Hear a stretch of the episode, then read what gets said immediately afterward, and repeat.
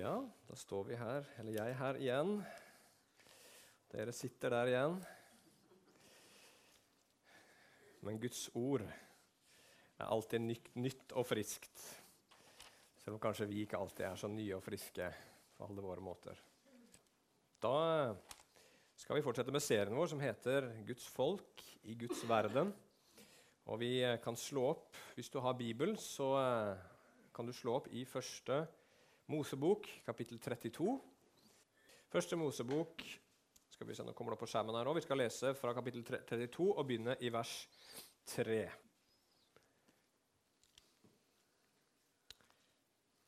Vi holder på med historien om Jakob. og Nå skal vi fortsette med den. Der står det Jesu navn. Så sendte Jakob budbærere foran seg til sin bror Esau i seierlandet, landet Edom. Han bød dem og sa, 'Tal, min herre Esau, på denne måten.' Så sier din tjener Jakob, 'Jeg har bodd hos Laban og vært der helt til nå.' 'Jeg har okser, esler, småfe, tjenere og tjenestepiker.' 'Og jeg har sendt bud for å be min herre om at jeg må finne nåde for dine øyne.' Så kom budbærerne tilbake til Jakob og sa, 'Vi kom til din bror Esau, og han kommer også for å møte deg.' Og 400 menn er med ham. Da ble Jakob meget redd og grepet av angst. Han delte folket som var med ham, og småfe, storfe og kamelen i to flokker. Han sa, 'Hvis Esau kommer til den ene flokken og overfaller den, da kan den flokken som er igjen, slippe unna.'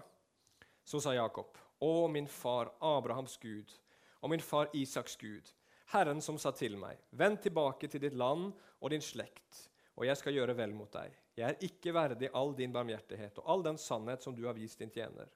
For bare, min stav, bare med min stav krysset jeg denne Jordanelven, og nå er jeg blitt til to flokker. Jeg ber deg, utfri meg fra min brors hånd, fra Esaus hånd. For jeg frykter for ham at han skal komme og overfalle meg, mor og barn. Men du har selv sagt, jeg skal sannelig gjøre vel mot deg og gjøre dine etterkommere som havets sand, så mange at det ikke kan telles. Og så hopper vi til vers 22.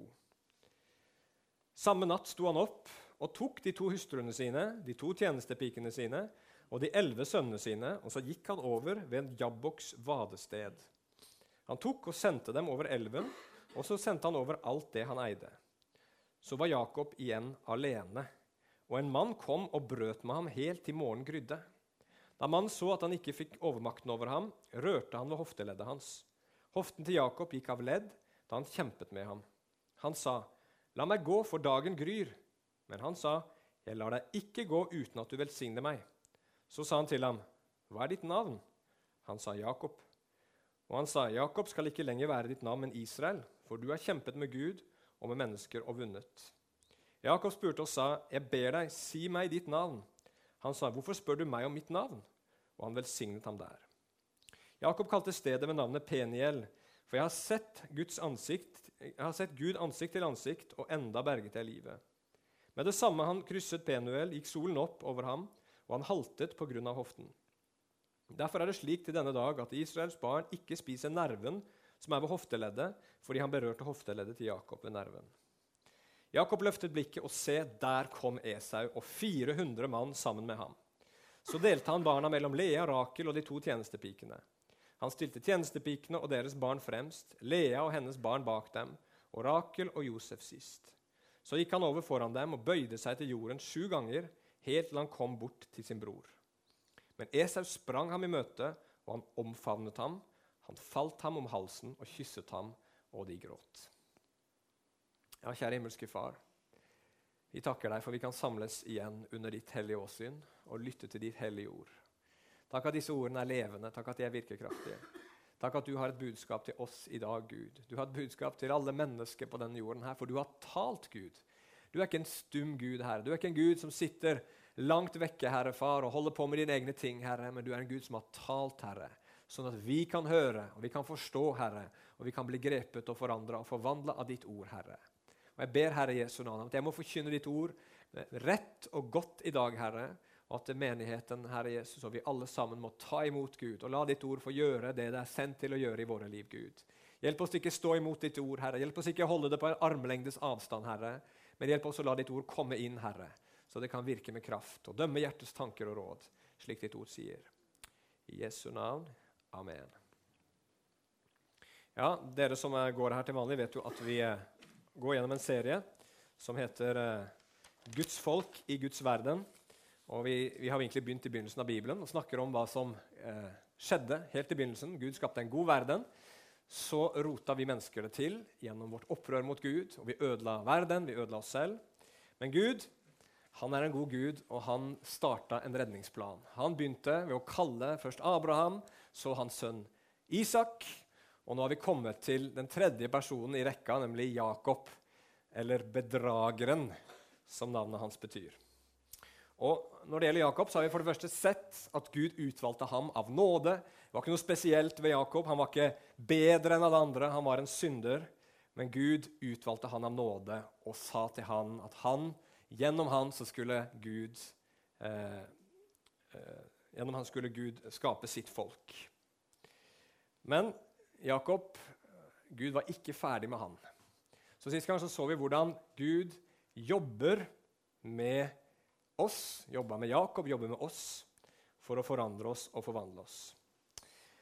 Og eh, I dag så skal vi fortsette å snakke om Jakob og høre hvordan det går når han eh, møter sin bror Esau, som han har bedratt. Ja, og Tittelen i dag er 'Et forvandlende møte med Gud'. Og jeg skal snakke om at dommen kommer, om at Gud kommer, og at nåden kommer. Så vi begynner med at dommen kommer. For eh, Jakob her i denne historien så er det oppgjørets time. Han er nettopp flykta fra Laban, som eh, hadde synda mot Jakob. Jakob hadde lidd masse under Labans synd. Gud beskytta han, Gud bevarte han, Gud førte han gjennom det. Og nå er han på vei hjem igjen, sånn som Gud ville, til Kanans land. Men der er det et problem. For i Kanan der er Esau, broren hans. Og for dere som har hørt historien og husker den talen, så har Jakob bedratt broren sin. Han har utnytta han, og Esau, broren, han hadde bestemt seg for å ta livet av Jakob. Så sint var han. Og Jakob måtte flykte, og nå var han på vei tilbake. Og han var ganske redd for hva som kom til å skje når han skulle møte Jakob. Eh, eh Esau, mener jeg. Oi, oi, oi. Dette begynner ikke bra. Han er full av frykt, og han får enda mer grunn til å frykte når han sender budbærere til Jakob. Eh, Esau, ja. Jakob sender til Esau for å spørre dem, eh, eller liksom for å få kontakt med Esau. Og De kommer tilbake. Esau har tydeligvis ikke sagt noen ting. og Alt de har å fortelle, er Esau kommer mot deg med 400 mann. Oi, oi, oi, oi. oi. Nå skjønner Jakob at han er i trøbbel. Oppgjørets time kommer, og han er i trøbbel. Og La meg begynne med å si det her. Hvis det er én ting som er klart i Bibelen, som går igjen og igjen, som du kan lese om i Det gamle og Det nye testamentet, som du ikke kommer utenom hvis du vil være en kristen som tror på Bibelen, det er at en dag så kommer oppgjørets time for alle mennesker. Hvis man har gjort noe som ikke var rett og godt, så kommer man enten til å få et oppgjørets time her. Eller så kommer alle mennesker til å få et oppgjørets time en dag i evigheten. Bibelen sier det helt klart, f.eks. i Hebrebrevet 9,27, at det er menneskets lodd å dø en gang og deretter komme for dommen. Så en dag så skal vår gode og allvitende Gud han skal dømme absolutt alle mennesker. Og han skal gjøre det med rettferdighet, og han skal gjøre det med alle fakta på bordet. Så det blir en fullkomment rettferdig dom. Gud vet absolutt alt om alle ting, og han skal dømme. Er ikke det fantastisk? Og fantastisk skremmende. For det første så er det jo fantastisk bra, for det betyr at ingen ugjerningsmenn slipper unna. Ingen ondskap kommer til syvende og sist til å være uoppgjort. Det kommer rettferdighet for alle som har blitt undertrykt, alle som har blitt synda mot, alle som har lidd en dag. Så kommer det rettferdighet for dem. Og det er en fantastisk hjelp for oss også. Vi er kalt som kristne til å tilgi alle mennesker. er vi ikke det? Og Bibelen snakker at vi må tilgi alle mennesker. Og så står det 'å gi rom for Guds vrede'. Hva betyr det? Jo, at du og jeg vi kan la være å prøve å ta igjen og ordne opp og skape rettferdighet når mennesker gjør noe ondt mot oss. Fordi vi vet at uansett så kommer disse menneskene en dag til å måtte møte den levende Gud. Og da går det ikke an lenger å skjule seg, da går det ikke an, lenger an å rømme, da går det ikke an lenger å stå imot. Da må rettferdigheten komme. Så det er en fantastisk dag når vi tenker på all urett som har blitt begått mot oss og mot andre mennesker. Men det er også en dag som ikke er så fantastisk. Og Amos, i eh, kapittel 5 av sin bok, og, vers 18 og 19, så sier han Ved dere som lengter etter Herrens dag. Og Mange liksom i Israel på den tiden som tenkte å, tenk når Gud kommer igjen. Da, da skal han ta hevn over alle fiendene våre. Da skal det bli orden. Da skal det bli bra. Vi gleder oss til den dagen. Men så kommer Amos med en advarsel. Ved dere som lengter etter Herrens dag. For hvilken nytte får Herrens dag for dere? Den skal være mørke og ikke lys. Det skal være som når en mann flykter fra en løve, men møter en bjørn i stedet. Eller det er som når han kommer inn i huset og støtter hånden mot veggen og blir bitt av en slange. Ja, Gud kommer, og han skal ta hevn, og han skal dømme alle skyldige, alle som er stygge mot deg, skal Gud ta et oppgjør med. Men problemet er at du og jeg også har vært stygge mot noen. Du og jeg har også synda. Du og jeg også står skyldige. Og Gud kommer også til å gå i rette med oss. Det kommer en oppgjørets time for deg og meg òg. Og på den dagen så er det to ting som kommer til å skje. i hvert fall. Det første er det at alt mørkt, alt som vi har holdt i mørket, alt som vi har skjult, alt som kanskje ingen vet om, alt som ikke har kommet for dagen, det skal komme for dagen når Jesus kommer tilbake. Da er det ikke mulig å skjule noen ting lenger. Da kommer all vår synd til å bli eksponert. Han vet alt. Det er det ene. Det andre er det at når Jesus kommer igjen, så kommer vi til å se alt i et helt nytt lys. Nå begynner våren å nærme seg. Hvor mange er det her som har vårrengjøring hjemme?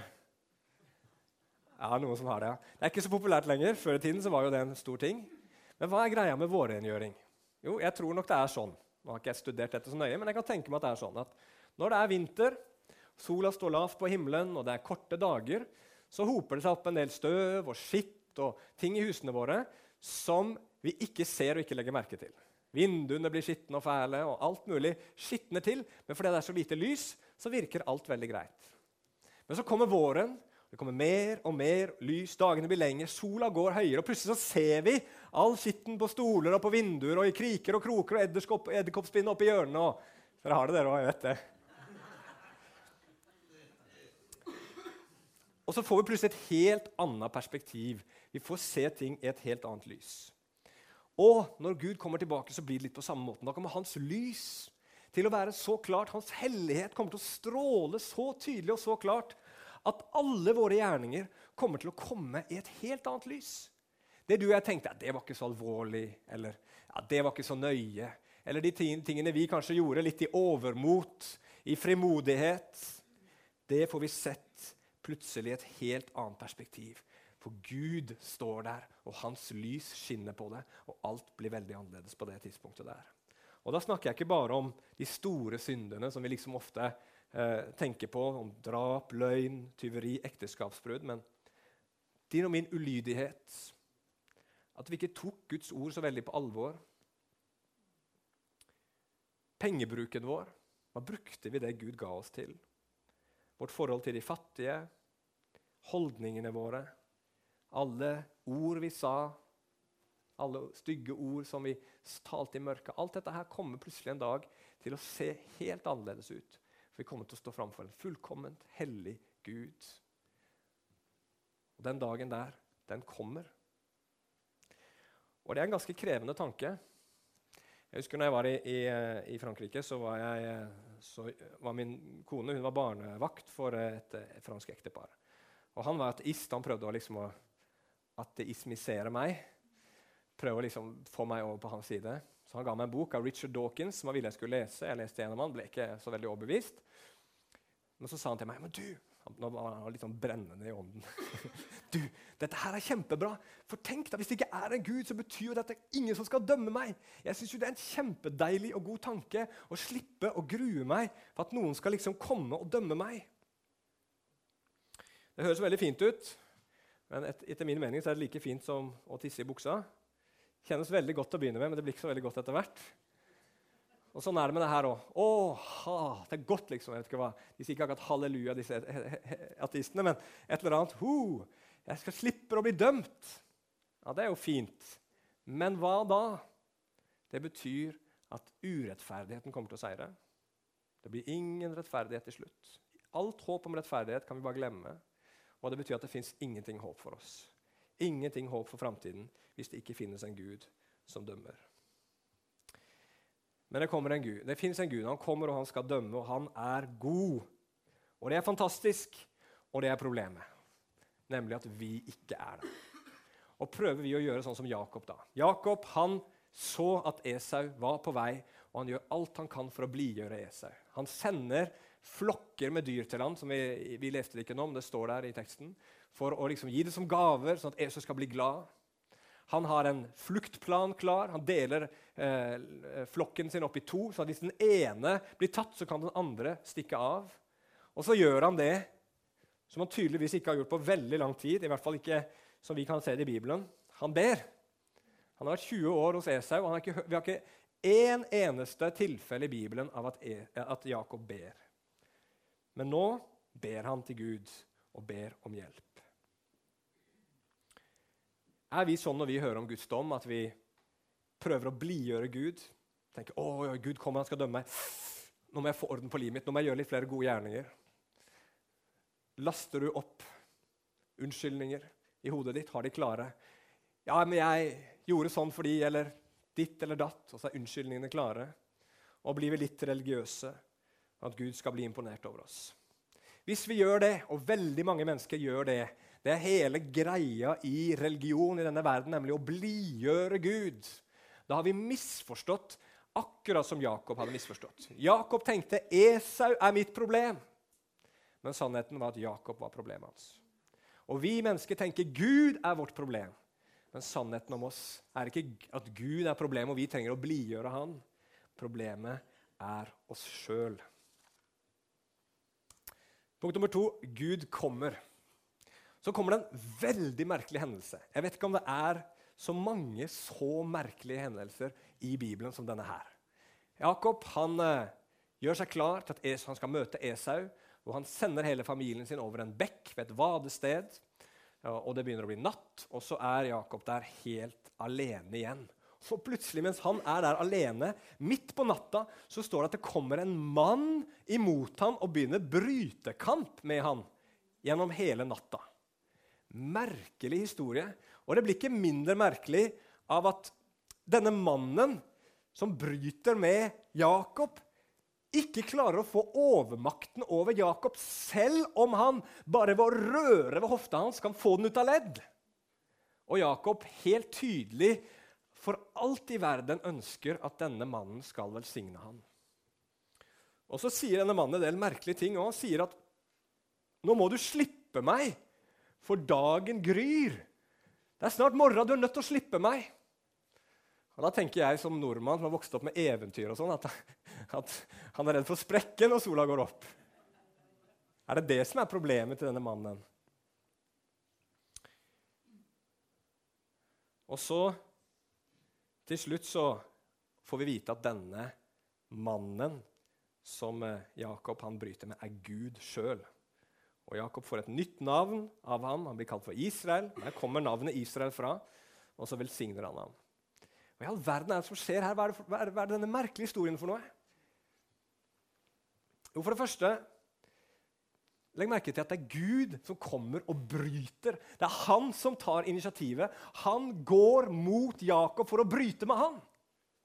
Det er ikke Jakob som bryter med Gud, kommer til Gud liksom og, og, og liksom kjemper med han i bønn, men det er Gud som kommer imot Jakob. Hvorfor det? Jo, dette her er Guds hjelp. Jakob hadde bedt Gud om hjelp, og det er en lur ting å gjøre, men Gud svarer ikke sånn som vi forventer. Gud kommer for å hjelpe Jakob, og hvordan gjør han det? Jo, ved å gå imot Jakob. Og vet du hva? At Gud, han er for deg. Det står i Bibelen, og derfor må du være klar over det, at nettopp fordi Gud er for deg, så er han noen ganger imot deg. Han er mot våre lyster. Han er mot i hvert fall noen av lystene våre, de feilaktige og syndige lystene. Vår grådighet, vår løgn, misunnelse, vår stolthet, vår feighet, vår latskap, ulydighet, egenrådighet, selvrettferdighet. Alt dette her er Gud imot i våre liv fordi han er for oss. Fordi han er god. Fordi han vil oss det beste. Og hvordan går Gud imot oss? Hvordan går Gud imot meg i sin godhet? Jo, han gjør det gjennom sitt ord og gjennom sin ånd. Har du lest denne boka her og merka at Gud noen ganger ikke er enig med deg? At Gud noen ganger sier en del ting til deg så du tenker ah, Gud! Jeg er ikke enig med deg. Det står lover her, formaninger, profetiske ord, irettesettelser. Og Gud kommer på forskjellige måter, gjennom omstendigheter. Og han går imot oss fordi han er for oss. Det er vår Gud. Og sånn må det være. Derfor er det så utrolig viktig for det første at man blir eksponert for dette ordet her.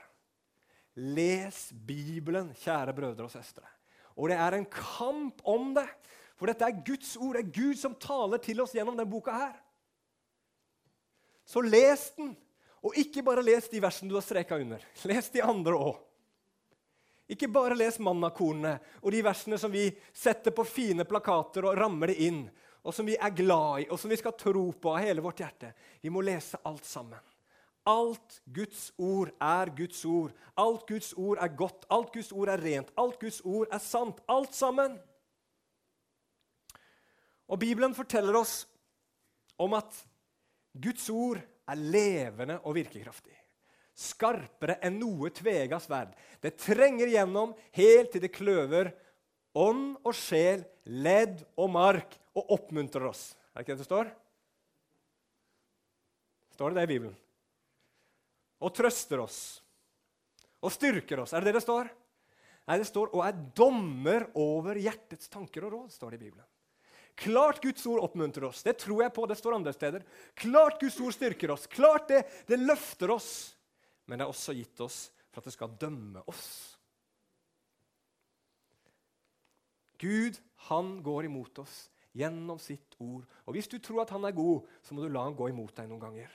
Og da må du la deg utsette for hans ord. Derfor er det så viktig at, her, at Guds ord blir forkynt her. Alt Guds ord, ikke bare det vi liker å høre, men alt sammen. Det er det ene. Bli eksponert for ordet. Og det andre som jeg vil si i den sammenhengen, er at du må være forberedt på det.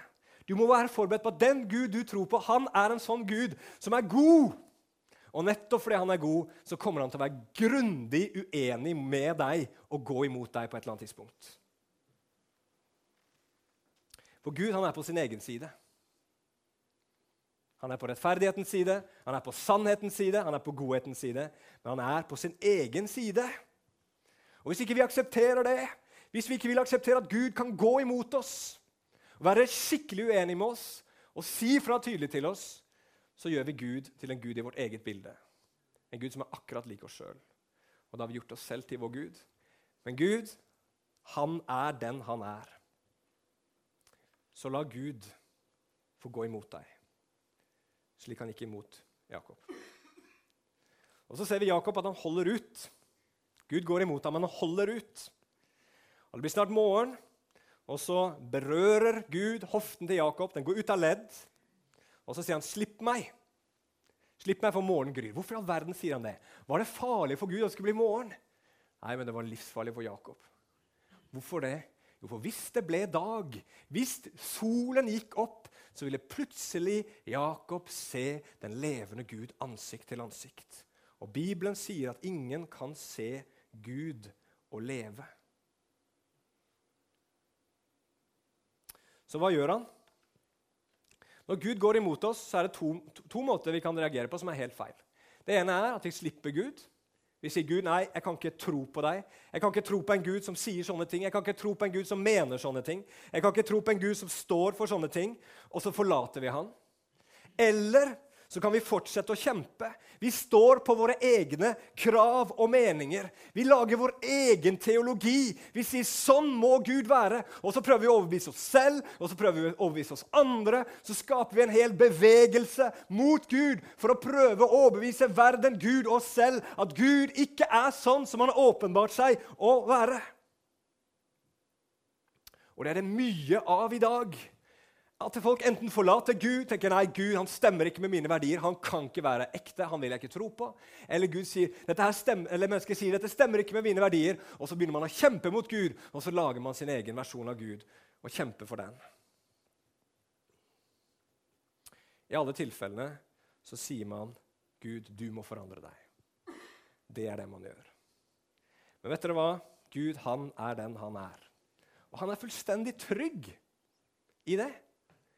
Gud skammer seg ikke over den han er. Han er ikke redd for å være den han er. Han er ikke redd for å si nøyaktig hva han mener. Er ikke det litt deilig? Gud han sier det han vil si. Han er den han er. Og det er jo hans navn. Jeg er den jeg er. Gud er som han er. Han kan ikke forandre seg. Han vil ikke forandre seg. Han vet at han har rett. Tenk på det. Og det står at En dag når vi skal se ham, sånn som jeg om i sted, og ser han i hans lys, så vil alle munner bli lukka. Ingen har noe de skulle sagt. For det er helt tydelig at Gud har rett. Så hva gjør Jakob da? Jo, han gjør noe uventa. Han, han, han, slipper ikke, men han fortsetter ikke å kjempe heller. Men han sier, 'Jeg slipper deg ikke før du velsigner meg', sier Jakob. 'Jeg slipper deg ikke før du velsigner meg'. Han sier med andre ord, 'Velsign meg, ellers så dør jeg'. Jeg slipper deg ikke. Jeg står her til sola går opp, hvis ikke du velsigner meg. Jeg må ha din velsignelse. Og så skjer det. Jakob får et nytt navn. Så står det at han har vunnet over Gud og mennesker. Og han blir velsigna, og han blir handikappa. Han halter fra det øyeblikket av. Beinet funker ikke som det skal. Hva var det Jakob gjorde? Jo, Jakob innså det som vi alle sammen må innse, nemlig at det ikke er Gud som er problemet, men jeg er problemet. Men Gud er løsningen. Jakob kommer til det punktet hvor han bare er nødt til å si, 'Gud, jeg har bare deg.' Nå er alle mine ressurser brukt opp. Nå er alle mine forsøk på å ordne opp i denne situasjonen her kommet til veis ende. Jeg har bare deg, Gud. Nå klamrer jeg meg til deg, Gud, og hvis ikke du velsigner meg, så går dette galt men jeg håper på deg. Dit kommer Gud, nei, Jakob med Gud. Han er svak, han er svekka, og han forstår at det bare er Gud som kan hjelpe ham. Og i det øyeblikket der så blir Jakob ny. Jakob, bedrageren, blir til Israel. Han som har seira over Gud, over mennesker. Han blir velsigna, og så blir han svak. Og dit vil Gud ta deg og meg også. Vi kommer til det punktet at vi ser Gud, du er alt jeg har. Du er mitt eneste håp. Jeg klarer ikke dette selv. Hjelp meg! Da blir du også ny. Nytt navn får du òg. Ny identitet. Du blir et Guds barn. Du kan kalle deg for en kristen. Ta Jesu Krist inn i ditt navn. Du blir velsigna med all åndelig velsignelse i den åndelige verden i Kristus, står det. Du blir svak i deg sjøl også. Hvis jeg har forstått noe i min vandring med Gud hvis jeg har forstått noe, håper jeg har forstått det i hvert fall. Begynner å, det begynner å demre for meg hvor svak og hjelpeløs jeg er. Når du er ung, sånn som jeg var en gang, så tror du så mye på deg selv, på andre, på din energi, dine evner, din kraft. Men til slutt så må du bare innse det som Jakob innså, at vi er svake og vi er hjelpeløse. Og alt vi har igjen, det er Jesus. Følge han, stole på han. Jeg må stadig bøye meg for Jesus. La han være konge og herre i mitt liv. La han være frelse. Jeg må stadig vende om. For dette her er det omvendelse handler om. Å si Gud, det er bare du. Det er bare du som kan hjelpe meg. Det er bare du jeg må følge. Det er bare du jeg må stole på meg. Det er du som er helten, og ikke jeg. Da er vi svake, men har funnet styrke i Gud. Og Her er Jakob nå, og nå er det siste punktet mitt. Nåden kommer. Nå skal han møte Esau. Det er oppgjørets time. Og han bøyer seg sju ganger til jorden. For hver gang han bøyer seg, så kommer han nærmere Esau bare i tegn på anger, på at han ydmyker seg framfor Esau og ber om unnskyldning for det han har gjort. Hva gjør Esau? Jo, Det står at Esau løper han i møte og kaster seg om halsen på han. Han som hadde sagt han skulle ta livet av han, han kommer og hiver seg om halsen på Jakob, og så står det at de gråter begge to. En veldig rørende og flott scene. Så får Jakob lov til å presentere familien sin for Esau.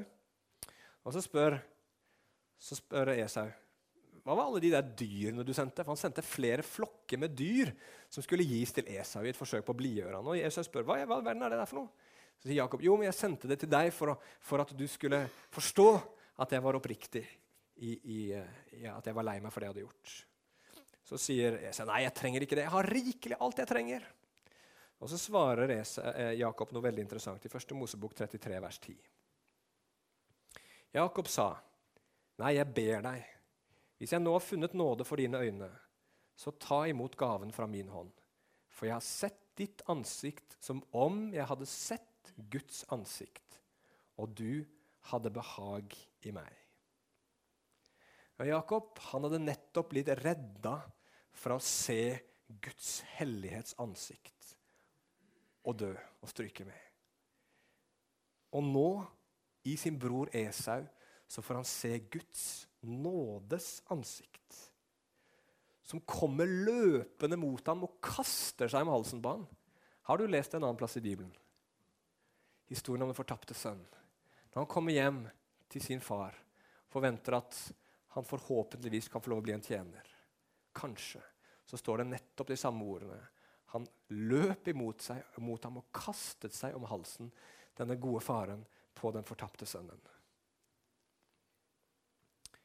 Og noe har skjedd med Jakob. Jakob det var en mann som skulle få ting til. Og han var hardt arbeidende, han var beinhard og sta og sto på. Og han fikk vilja si veldig mange ganger. Men nå kom han til et punkt hvor han var helt svak, hadde ingenting og når Esau nå tar imot ham, så sier han ikke 'Å, planen min virka', eller 'Å, nå hadde jeg flaks'. Men han skjønner at det var Gud som viste sin nåde. Bare Gud. Og her er greia, tror jeg. Gud, han er god, og han går imot oss noen ganger. Hvorfor det? Jo, for det første for å gjøre oss svake så vi kan skjønne at vi trenger Han, så vi roper ut til Han. Det er det ene. Og det andre for å gjøre oss svake, sånn at vi kan få se Guds nådes ansikt i vår bror Jesus. Han er vår bror, Jesus. Og vi kan se Guds nådes ansikt når vi ser på Jesus. Men du kan bare se det hvis du er svak. Du kan bare se det hvis du forstår at du er i trøbbel. Du kan bare se det når du først har sett en hellig Gud som ikke vil forandre seg, og du har sett ditt eget liv som trenger forandring. Bare da kan du se Guds nåde sånn som den er i Jesus. Og Da står det noe veldig veldig, veldig utrolig i Bibelen. Oppgjørets time kommer, sa vi til å begynne med. Men hør på disse ordene her fra Johannes 5, 24. Jesus som snakker, og han sier, 'Sannelig, sannelig, sier dere, den som hører mitt ord og tror på Ham som har sendt meg, han har evig liv og skal ikke komme til dom, men er gått over fra døden til livet. Hæ? Hvis du tror på Jesus, hører på Hans ord, så skal du ikke komme for dom. Wow! Det vi gruer oss mest til av alt, det som kommer til å bli en dag som blir mørke, ikke lys. Vi skal få slippe unna gjennom Jesus. For han døde for oss. Han døde i vårt sted. Han tok straffen. Og det forandrer oss, og det forvandler oss. Du vet, Det aller meste vi mennesker gjør, det er motivert av dom. Hvorfor jobber du på jobben din? Først og fremst gjør du en god jobb fordi at du vet, eller først og fremst i hvert fall én viktig motivasjon, at hvis ikke du jobber, gjør jobben din, så får du kjeft og til slutt sparken. Ikke sant? Du vet Det kommer en dom hvis ikke du gjør det du skal gjøre. I vennskap òg så vet vi det at hvis ikke vi oppfyller vår forpliktelse i vennskapet, så kommer det en dom. Den andre personen vil ikke lenger ha noe med oss å gjøre, eller forsvinner bort sakte, men sikkert. Det er sånn i de fleste relasjoner vi har, at vi er redd for en dom, og den motiverer oss. Og når vi kristne hører at vi ikke skal bli dømt, hvordan i all verden skal vi bli motivert da, som kristne? Hvis ikke dommen henger litt over oss. At hvis ikke du lever skikkelig, hvis ikke du passer på nå, gjør, lever livet sånn som du skal, så går det ikke bra. Å, da må jeg ta meg sammen. Da må jeg leve som en kristen. Hvis dommen blir tatt bort, hvordan i all verden kan vi bli da drevet til å leve hellige liv? Til å ville gå en ekstra mil, til å ofre for andres skyld, for å tjene Jesus fra det øyeblikket vi sier ja til ham, og inn i evigheten. For syndige mennesker så tar nåde bort all motivasjon. Men hvis du har blitt berørt av Gud, hvis du har blitt ny, hvis Gud har fått svekke deg, gå imot deg og gjøre deg ny, så vil Guds nåde forvandle livet ditt. Da er det det som vil drive deg. Da er det det som vil få deg til å gjøre alt det som man gjør når man følger Jesus. Og Paulus, det er hans historie. Han var nidkjær. Han forfulgte de kristne. Og så gikk Gud imot ham. Han falt av hesten, han ble blind. Og så vendte han om, ble ny, tok imot nåden og ga sitt liv til Gud. Og tjente han alle sitt livs dager, selv om han visste at han allerede var tilgitt, at han allerede hadde gått over fra døden til livet og ikke skulle komme for dommen. Og det her tror jeg er viktig å forstå. Hvis ikke vi lar Gud gå imot oss, hvis ikke vi lar Gud treffe oss med sitt ord, hvis ikke Hans ord får stikke oss i hjertet, skjære oss i hjertet, sånn som de gjorde på pinsedagen med de som var i Jerusalem Så vi roper ut 'Gud, det er deg jeg trenger', så kan vi aldri virkelig smake nåden og oppleve at livene våre blir forvandla. Da vil kristenlivet vårt bare handle om å blidgjøre Gud. Men hvis vi får smake nåden, se den i Jesu ansikt, da vil det drive oss til å leve et liv som er til Guds ære. Det skjedde med Jakob. Det kan skje med alle som kaller på ham. Alle som lar Guds ord få rett. Så kjære brødre og søstre, la oss være så forsiktige med det Gud har sagt at vi ikke fikser på det og endrer på det og prøver å gjøre Gud til en Gud som vi kan like, og akkurat sånn som vi vil ha han. Men la han være en Gud som kan si akkurat det han vil. Så han kan treffe der det må treffe, sånn at nåden kan bli det den skal bli i våre liv. Og forvandle oss og forandre oss og gjøre oss nye. Amen.